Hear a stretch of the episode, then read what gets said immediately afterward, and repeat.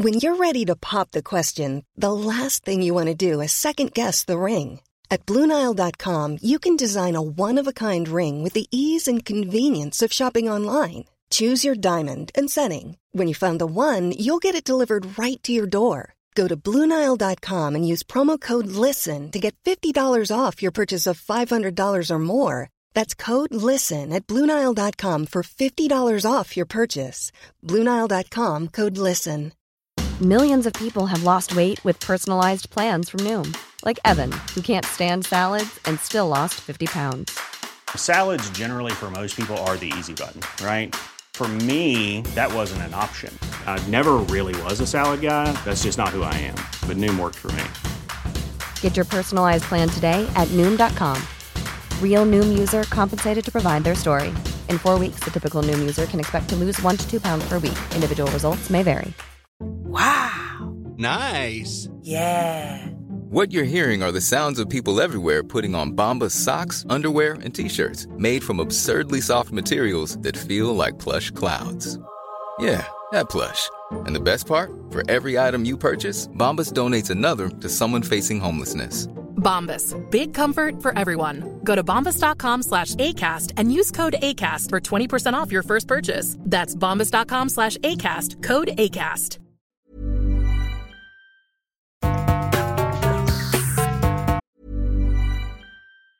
There's never been a faster or easier way to start your weight loss journey than with PlushCare.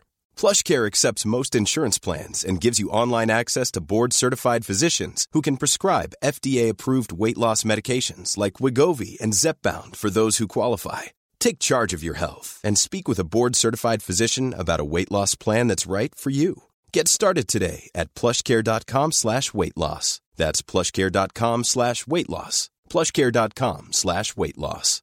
Quality sleep is essential. That's why the Sleep Number Smart Bed is designed for your ever evolving sleep needs. Need a bed that's firmer or softer on either side? Helps you sleep at a comfortable temperature? Sleep Number Smart Beds let you individualize your comfort so you sleep better together. JD Power ranks Sleep Number number 1 in customer satisfaction with mattresses purchased in-store. And now save 40% on the Sleep Number limited edition Smart Bed for a limited time. For JD Power 2023 award information, visit jdpower.com/awards. Only at Sleep Number stores or sleepnumber.com. Normally, being a little extra can be a bit much, but when it comes to healthcare, it pays to be extra. And United Healthcare makes it easy with Health Protector Guard fixed indemnity insurance plans. Underwritten by Golden Rule Insurance Company, they supplement your primary plan, helping you manage out of pocket costs without the usual requirements and restrictions like deductibles and enrollment periods. So when it comes to covering your medical bills, you can feel good about being a little extra. Visit uh1.com to find the Health Protector Guard plan for you.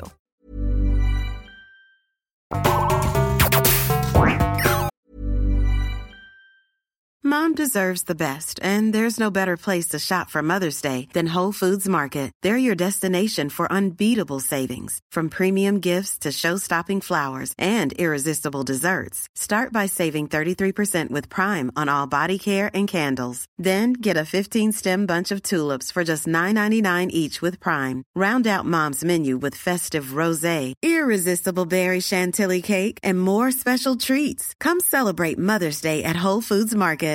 Here's a cool fact a crocodile can't stick out its tongue. Another cool fact you can get short term health insurance for a month or just under a year in some states. United Healthcare short term insurance plans are designed for people who are between jobs, coming off their parents' plan, or turning a side hustle into a full time gig. Underwritten by Golden Rule Insurance Company, they offer flexible, budget friendly coverage with access to a nationwide network of doctors and hospitals. Get more cool facts about United Healthcare short term plans at uh1.com. Mom deserves the best, and there's no better place to shop for Mother's Day than Whole Foods Market. They're your destination for unbeatable savings, from premium gifts to show-stopping flowers and irresistible desserts. Start by saving 33% with Prime on all body care and candles. Then get a 15-stem bunch of tulips for just $9.99 each with Prime. Round out Mom's menu with festive rosé, irresistible berry chantilly cake, and more special treats. Come celebrate Mother's Day at Whole Foods Market.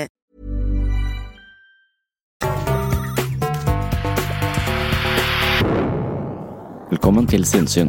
Jeg heter Sondre Risom Livre, jeg er psykolog, og dette er Webpsykologens podkast. Hverdagspsykologi for fagfolk og folk flest.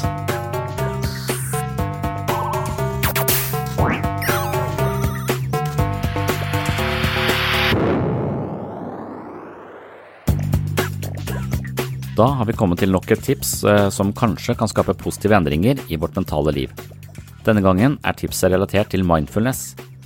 Jeg har reklamert med korte episoder, men denne episoden er likevel ikke så kort. Det er fordi jeg har lagt til et eh, segment etter det innledende tipset som ligner et foredrag jeg har postet for noen år siden. De som mener at de har fulgt sinnssyn lenge og hørt meg snakke om mindfulness tidligere, kan stoppe avspillingen etter første segment. Men eh, de som ikke har hørt mine foredrag om mindfulness før, eller tenker at det kan være greit med litt repetisjon, kan altså få muligheten til mer om mindfulness i andre segment. I korte trekk skal dagens eh, tips handle om det jeg kaller for verdens viktigste klisjé, nemlig at man bør tilstrebe å leve her og nå. De fleste av oss er mestere i den nevrotiske kunsten det er å bekymre seg for mange ting på en gang. Vi lar fremtidige bekymringer og tidligere problemer få lov til å dominere her og nå, og slik kan vi forpeste ethvert øyeblikk. I rekken av eh, episoder om eh, tips for å leve et rikere liv er jeg simpelthen nødt til å snakke om evnen til å leve her og nå. De fleste store visdomstradisjoner er klar over at mesteparten av våre problemer skyldes bekymringer for fremtiden eller grublinger forankret i fortiden. I den østlige psykologien finner man teoretikere som betrakter mye av menneskets tankevirksomhet som en sykdom, de påstår at tankene våre hele tiden lurer oss inn i forestillinger om fremtiden eller minner fra fortiden på en måte som gjør at vi går glipp av livet her og nå. Uansett hva som skjedde i går eller kommer til å skje i morgen, vil du alltid befinne deg her og nå.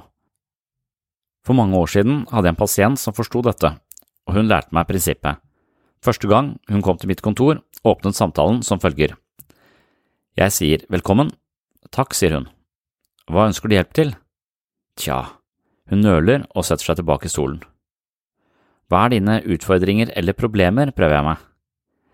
Pasienten tenker seg om igjen. Akkurat nå er det ingen problemer, sier hun. Akkurat nå er det bare oss to i dette rommet. Hvis jeg skal fylle dette rommet med problemer, må jeg slippte tankene mine. Tankene mine er fulle av problemer. Hvor er tankene dine nå, spør jeg. Det er vanskelig å si, jeg bestemte meg for å frede dette første øyeblikket for å kjenne etter på hvordan det er å være her. Hvordan er det da, å være her? Fredelig. Det er fredelig fordi tankene mine ikke får lov til å forstyrre dette øyeblikket, men jeg må vel slippe dem til hvis vi skal komme noen vei. Tja, nå er det jeg som nøler.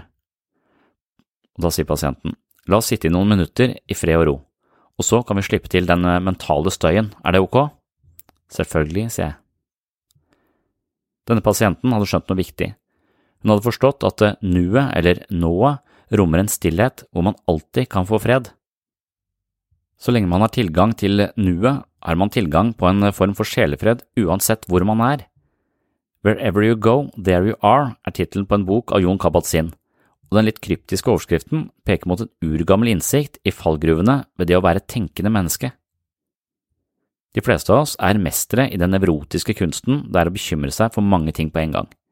Vi lar fremtidige bekymringer og tidligere problemer få lov til å dominere her og nå.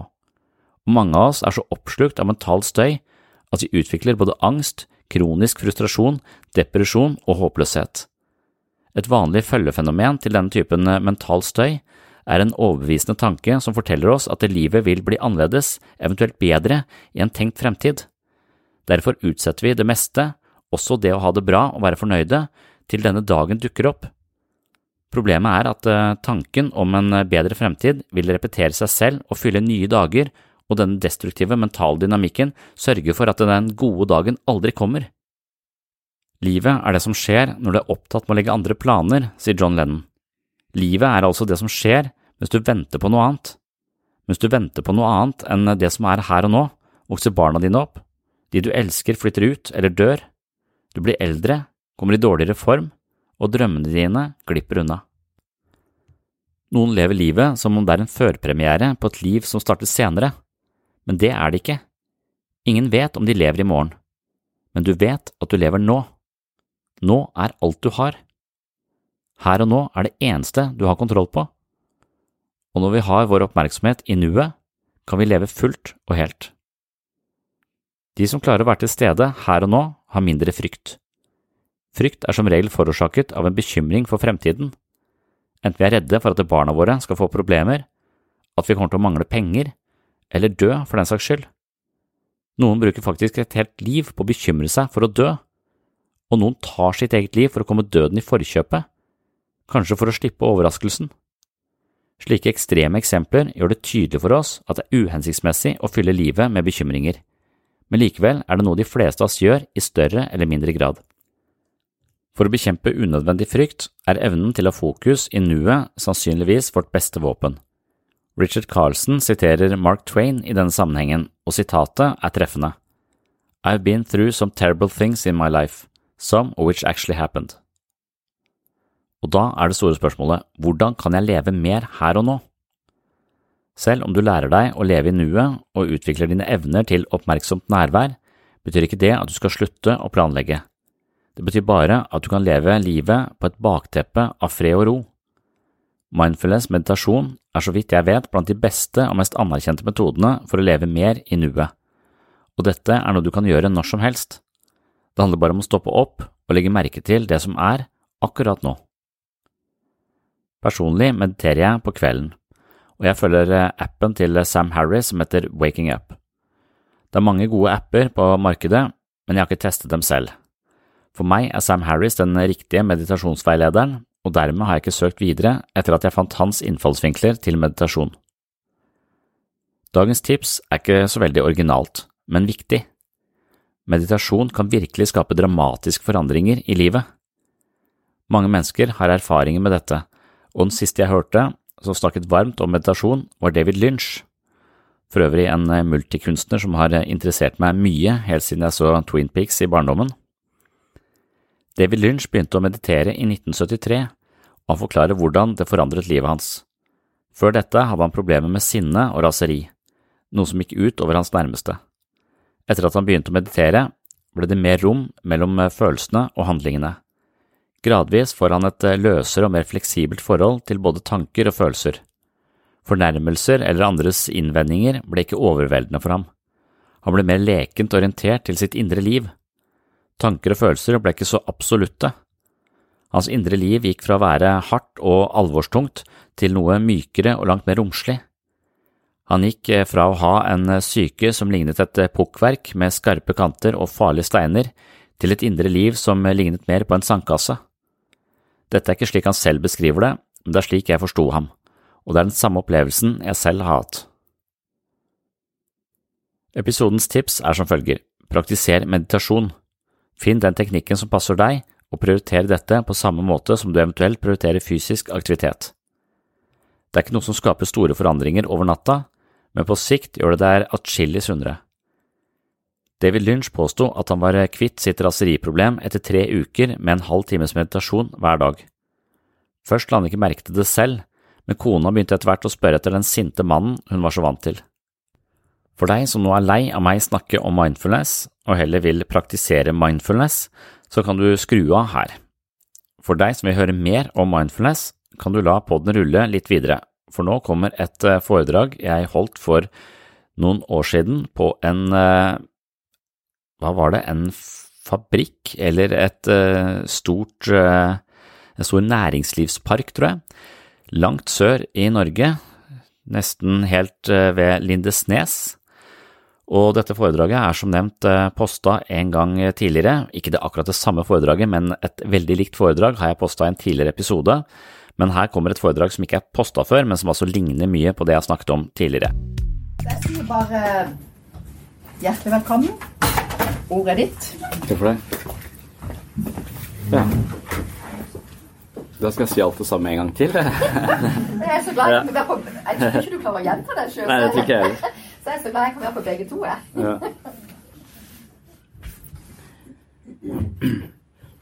En sånn hovedbeskjed i, innenfor psykisk helse. da. Jeg jobber i psykisk helse, jeg jobber i Kristiansand på et EPS som heter eh, Solvang. Jeg jobber med gruppeterapi. Sitter i en ring med åtte mennesker uten noe tema, uten noe bord og uten Det er ikke lov til å drikke kaffe heller. Eh, så vi sitter bare der og stirrer på hverandre uten å helt vite hva vi skal si. og så blir det pinlig pause veldig lenge, og så til slutt så da bryter noen gjennom. Vi orker ikke høre på den. Eller de orker ikke være i den stillheten. Og det skal da kurere angst og depresjon, er ideen. Eh, mens folk mener jo da at de kanskje får mer angst og depresjon av å sitte i den sirkelen der sånn. Eh, men da har vi mer å gjøre igjen, så det, det er klart det, det Det er viktig å holde hjula i gang. Men en sen sentral idé i psykisk helse er jo egentlig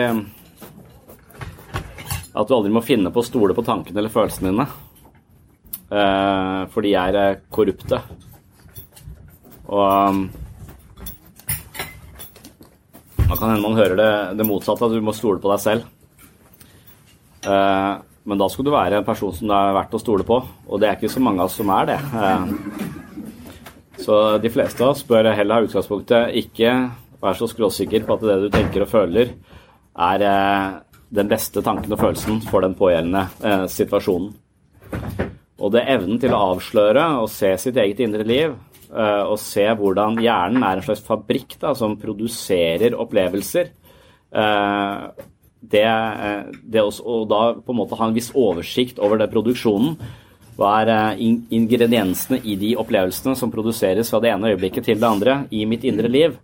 Eh, det er mental styrke. Det å forstå hvordan vi selv er med på å forfatte vårt eget liv av verden, og hvordan vi ikke lager objektive vurderinger av verden, men at det, hver eneste på en måte, vurdering vi gjør av oss selv og livet for øvrig, er farget av alt det vi har opplevd tidligere, hva folk har fortalt oss om hvem vi er og hvordan de liker oss.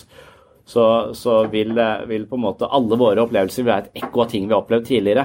Og dette er Freud sin eh, eh, på en måte innsikt. da Alt du opplever, er filtrert via nevrosene dine, så ikke tro på det, er, eh, er, ideen. Og det er litt av denne eh, avsløringen av sitt eget indre eh, liv som er eh, psykoterapiens vesen, som det jeg driver med, men også litt mindfulness, essensen i mindfulness. da. Eh, å hvile som en slags observatør til denne fabrikken som produserer opplevelser. Og da er det også større sjanse for at vi kan oppdage eh, produksjonsfeil, kan man si.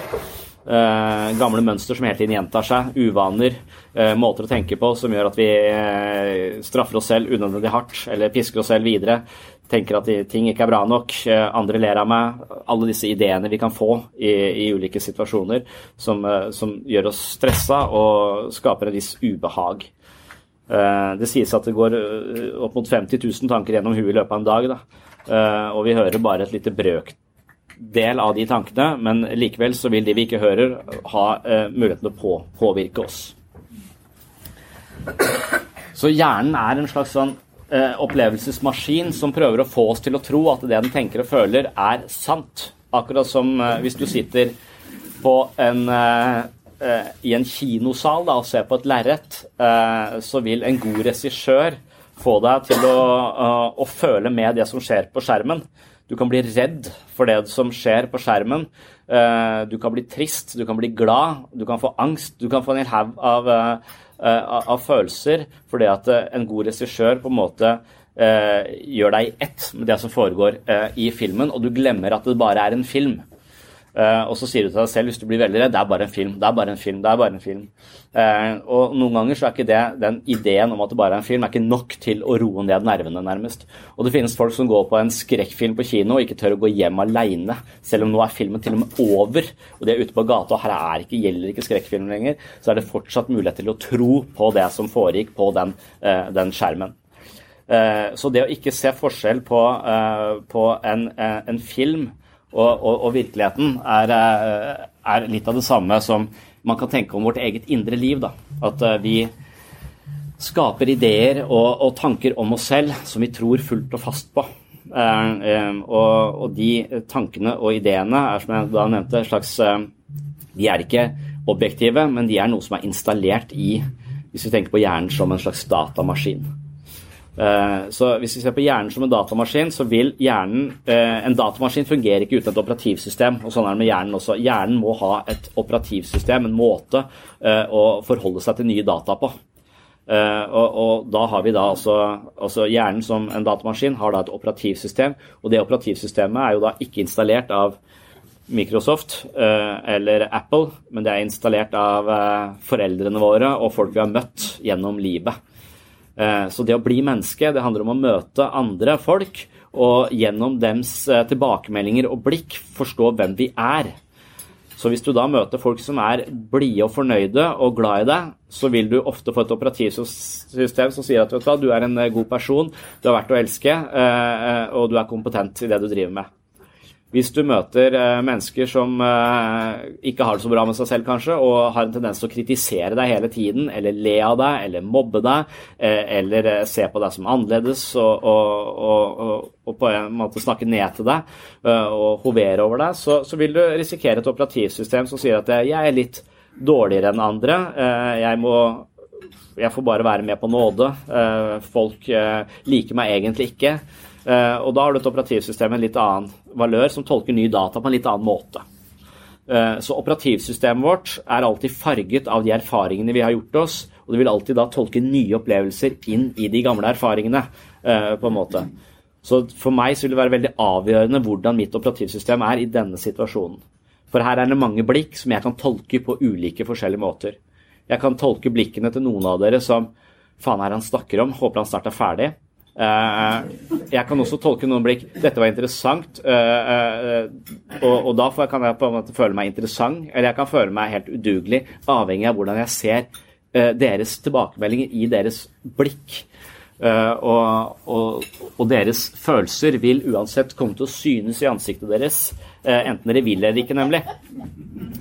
Og det er også sånn de som er, har meditert lenge, de er flinke til å kjenne andres følelser. på en måte. De kan se små nyanser i ansiktsuttrykk uten at de gjør det bevisst, men de bare legger merke til det.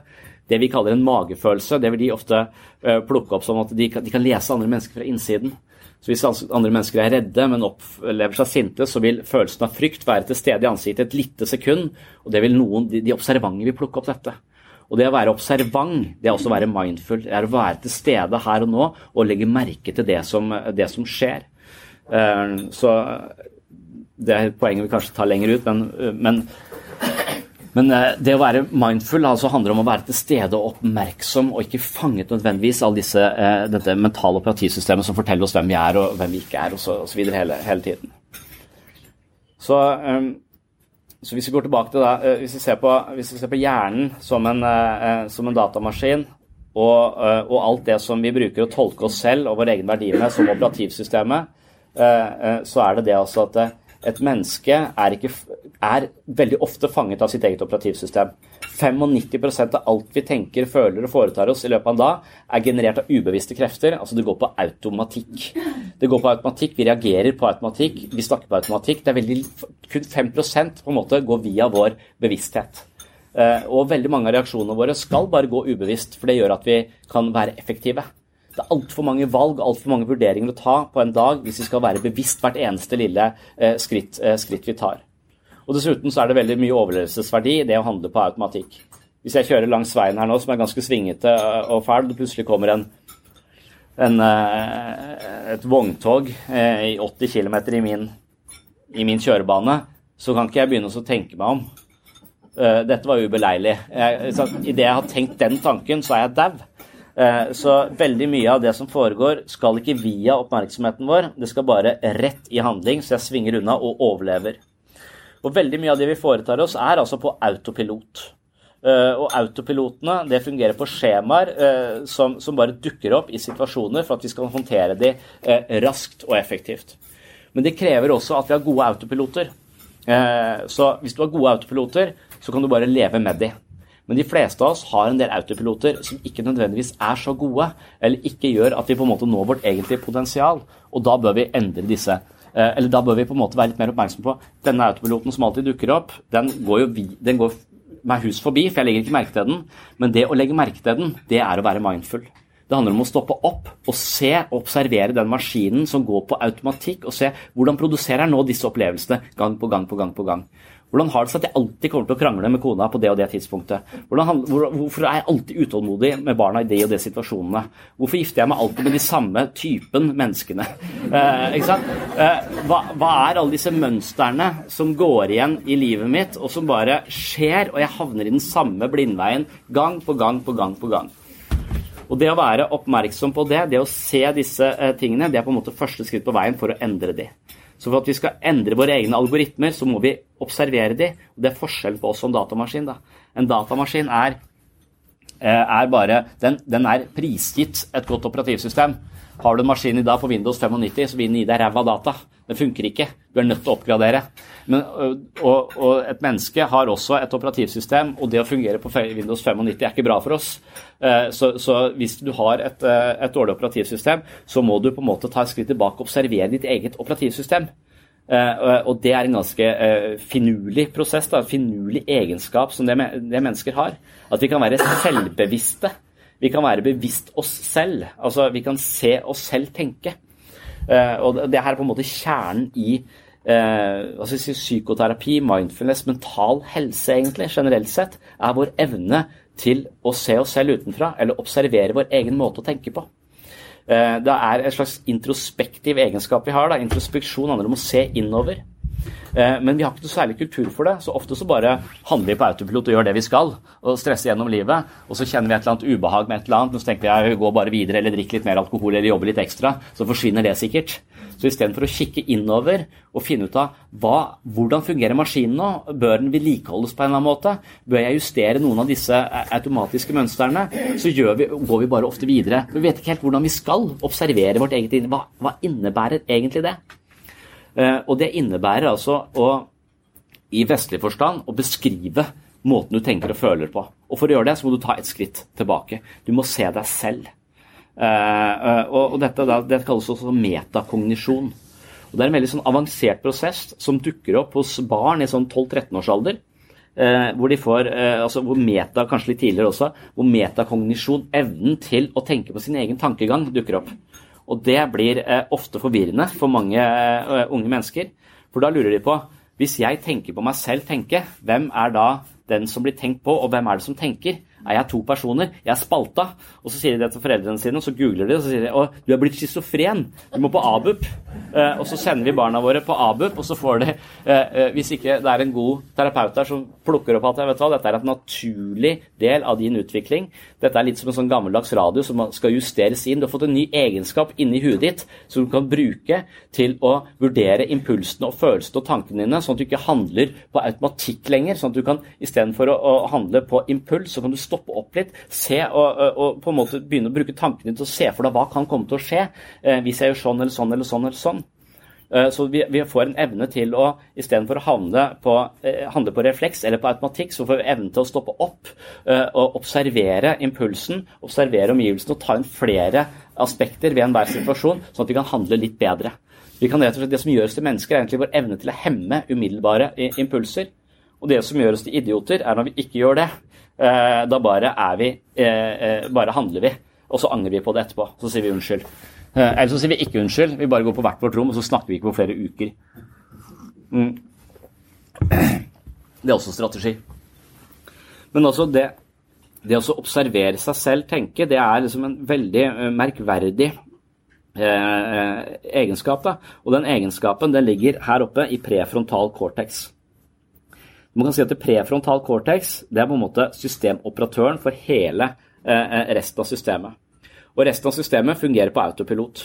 Resten av systemet det er det limbiske systemet som eh, aktiverer følelser osv. Det bare kjører. Ofte så overstyrer det denne delen her av hjernen, sånn at vi bare handler. Og hvis ikke vi bevisst trener på å observere hvordan vi skrur sammen våre egne opplevelser, så vil ikke denne delen her bli særlig sterk. Og det er her man kan liksom tenke litt på hjernen som en som en muskel. da. Uh, og, og, litt viktig at Det vi gjør i mindfulness, er at vi trener opp en mental muskel som er helt avgjørende for å beholde ro og sindighet i vanskelige situasjoner. Um, og, og, evnen til å på en måte gjøre om på gamle uvaner, den ligger her oppe. Og det må trenes opp. Akkurat som en muskel uh, må trene, uh, trenes opp. Og, jeg trener to ganger i uka som fysisk, altså, altså sirkeltrening gjennom hele kroppen. Jeg gjør det for jeg er redd for å dø.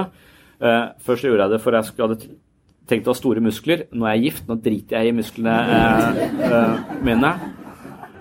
De trenger i hvert fall ikke se så store ut, det har jeg ingen ambisjoner om. Men jeg syns det er greit når de fungerer, da. Jeg slipper å, å, å pese så fælt når jeg skal løfte tunge ting. Det er lettere å flytte. Nå har jeg aldri tenkt å flytte igjen. Eh, for det så mye angst har jeg nesten aldri hatt eh, som når jeg flytter. Så, eh, men i hvert fall, så vi har, når, Hvis jeg går i treningsstudio og, og, målet mitt er å løfte 100 kg benk, eller 150 eh, kg benk, så vil jeg ikke gå inn i det treningsstudioet og så begynne på mine 30 kg, og så holde på i tre uker og så si vet du hva, trening funka ikke for meg. Eh, målet mitt var 250 kg, men jeg ligger fortsatt på 30 eh, etter tre uker. Jeg gir opp.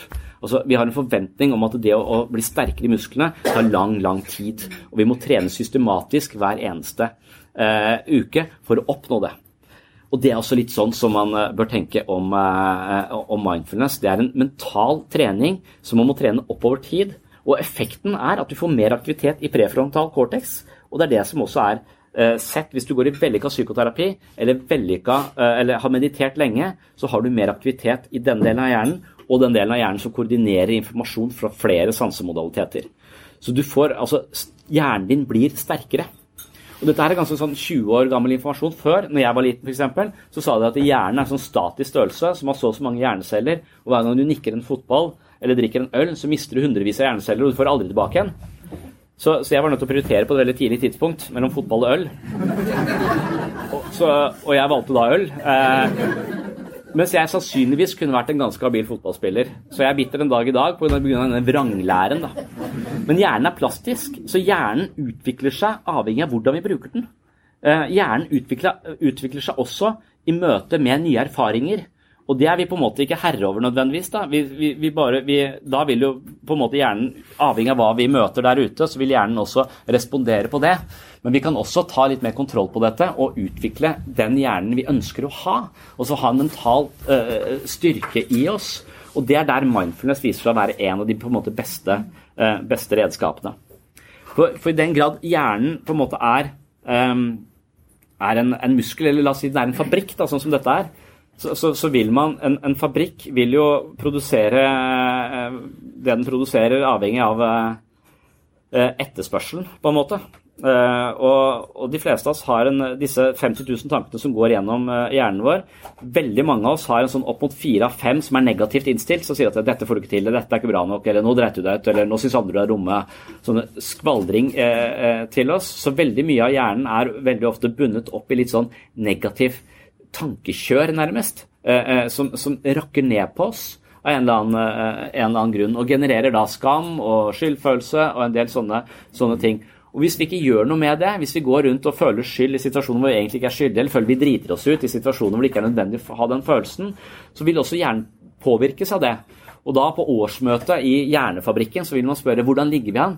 Her nede i bekymringsavdelingen og, og, og, angstavdelingen så jobber vi doble skift. Alle er helt utmatta. Uh, vi er nødt til å få noe støtte. Og da sier de oppe i gledessprederavdelingen, som handler om å være trygg på seg selv og være interessert i livet der ute og på en måte skape engasjement og mening i eget liv, den delen av hjernen som holder på med det, den blir skrudd av hvis det er krise og panikk i resten av systemet. Eh, da har vi ikke tid til å Gledessprederavdelingen må bare da legges ned. Så De som jobber der oppe, de sitter bare med beina på bordet, har ingenting å gjøre. og Da sier de selvfølgelig, for de er hyggelige folk, de kan bidra nede i panikkavdelingen, så da går de ned dit. Så hvis du, bare, hvis du ikke gjør noe med, med, eh, med ubehaget, ditt indre ubehag, på en måte, så, så, så, vil det sannsynligvis bare bli mer av det.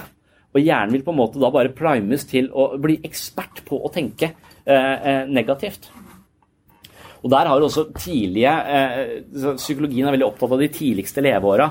Eh, og det er også der på en måte en del av personligheten vår blir satt. Da. Altså De erfaringene vi gjør oss på et tidlig tidspunkt, er med på, i de sensitive fasene, er med på å prime hjernen eh, på en spesiell måte som noen ganger kaller det grunnmuren i personligheten vår, men det er også kanskje grunnmuren i holdningene våre. Så Hvis du blir mye forlatt eller eh, er mye redd på et tidlig tidspunkt, så vil du ofte få en sterk muskel som kode for frykt og panikk og en idé om at jeg ikke er eh, like bra som alle andre, men alle andre er mye bedre enn meg. Så hvordan vi møter de minste eh, av oss, hvordan vi møter barna våre, med enten kritikk og kjeft eller, eller mer vennlige rettesettelser og, og, og, varme og godhet, så vil det være med på å påvirke operativsystemet deres. Så som foreldre så er det vi som installerer programvare i disse små uh, folka, og det pleier vi å klare å fucke opp ganske greit. Uh, jeg er i hvert fall klar over at jeg Når jeg fucker opp barna mine på den måten, så tenker jeg at jeg, da blir de i hvert fall litt interessante.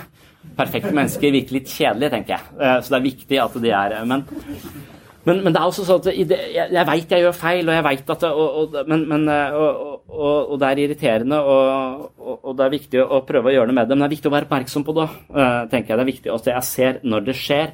Og det er nok det mindfulness kan hjelpe meg med. Det kan være å oppdage meg selv før jeg sier de dumme tinga. Det kan være å se og observere at nå er denne automatiske eh, opplevelses- eller eh, maskinen i gang med å produsere en opplevelse av forbannelse over en eh, fireåring som ikke gidder å ta på seg fotballsokkene i den tempo som jeg hadde planlagt vi skulle ta på oss fotballsokkene. Så det er like før det klikker i hele, hele systemet. Idet jeg oppdager det, så er jeg ikke fanget av operativsystemet mitt. Da, opp, da ser jeg at det er i ferd med å, skje, og jeg kan velge å ikke handle på den impulsen. Og evnen til å ikke handle på den impulsen, men la den gå og se at den kommer, den går, og, kanskje handle på noe helt annet, med en vennlig eh, eh kommentar. At, vet du hva, 'Skal jeg hjelpe deg litt?' Eller nå må vi forte oss litt, for vi skal rekke den fotballkampen. Eh, altså At jeg kan gjøre det på en vennlig måte, det gjør meg til en bedre pappa. Det gjør også at operativsystemet inni huet på han vil også bli eh, atskillig bedre. Han vil ikke få kjeft og føle seg eh, eh på en måte feil, eller føler at han alltid gjør ting for sakte osv. Han vil få en annen idé om hvem han er, som også vil være det operativsystemet han skal bruke på å tolke alle andre opplevelser i sitt, eh, sitt liv. Så Operativsystemet er ikke en statisk størrelse, men det er noe som vi får installert av andre folk og erfaringer vi gjør oss. Og ofte så er ikke de erfaringene gode nok. Ofte så gjør vi på en måte erfaringer om, med, på en måte i livet som, ikke, som, vi ikke egentlig har kompetanse på å vurdere på et tidlig tidspunkt, men som likevel vi vurderer og legger som et skjema inn i huet vårt, og så dukker det opp den samme reaksjonen senere i, i livet. Og Det er denne automatikken her sånn vi må oppdage for at vi ikke skal være fanget av vårt eget, eget indre liv. Hei, du har nå hørt starten på en av de eldre episodene her på Sinnsyn. Denne episoden, i sin fulle lengde, er nå lagt i arkivet hvis du ønsker å høre hele episoden, har du to alternativer. Du kan laste ned Sinnsyn-appen fra Google Play eller AppStore. I Sinnsyn-appen kan du gå inn på podkast og finne hele arkivet. Her ligger de 370 første episodene av Sinnsyn i sin fulle lengde og originale form, i tillegg til 40 bonusepisoder fra tidlig sinnssyn. Og disse arkivepisodene er til og med uten reklame fra tredjepart. Alternativ to, hvis ikke du vil bruke Sinnsyn-appen, er å gå inn på patron.com for segs sinnssyn. På Patron kan du finne en feed som inneholder alle de arkiverte episodene. Denne feeden kan du legge inn i din favoritt-podkastspiller, og vips har du tilgang til alle episodene fra Sinnsyn i perioden mellom juli 2016 og oktober 2022, altså seks år med Sinnsyn-episoder i sin fulle lengde uten reklame. Sinnsyn-appen og Patron er to forskjellige plattformer, men begge to inneholder Sinnsyn-arkivet, i tillegg til alt du trenger for å komme i form både mentalt og fysisk. Last ned mitt mentale treningsstudio i form av Sinnsyn-appen fra Google Play eller AppStore, eller besøk mitt mentale treningsstudio på patron.com for segs sinnssyn i dag. Da kan du høre videre her du slapp, eller finne andre interessante temaer fra psykologiens verden. Og du, tusen takk for at du hører på sinnssyn.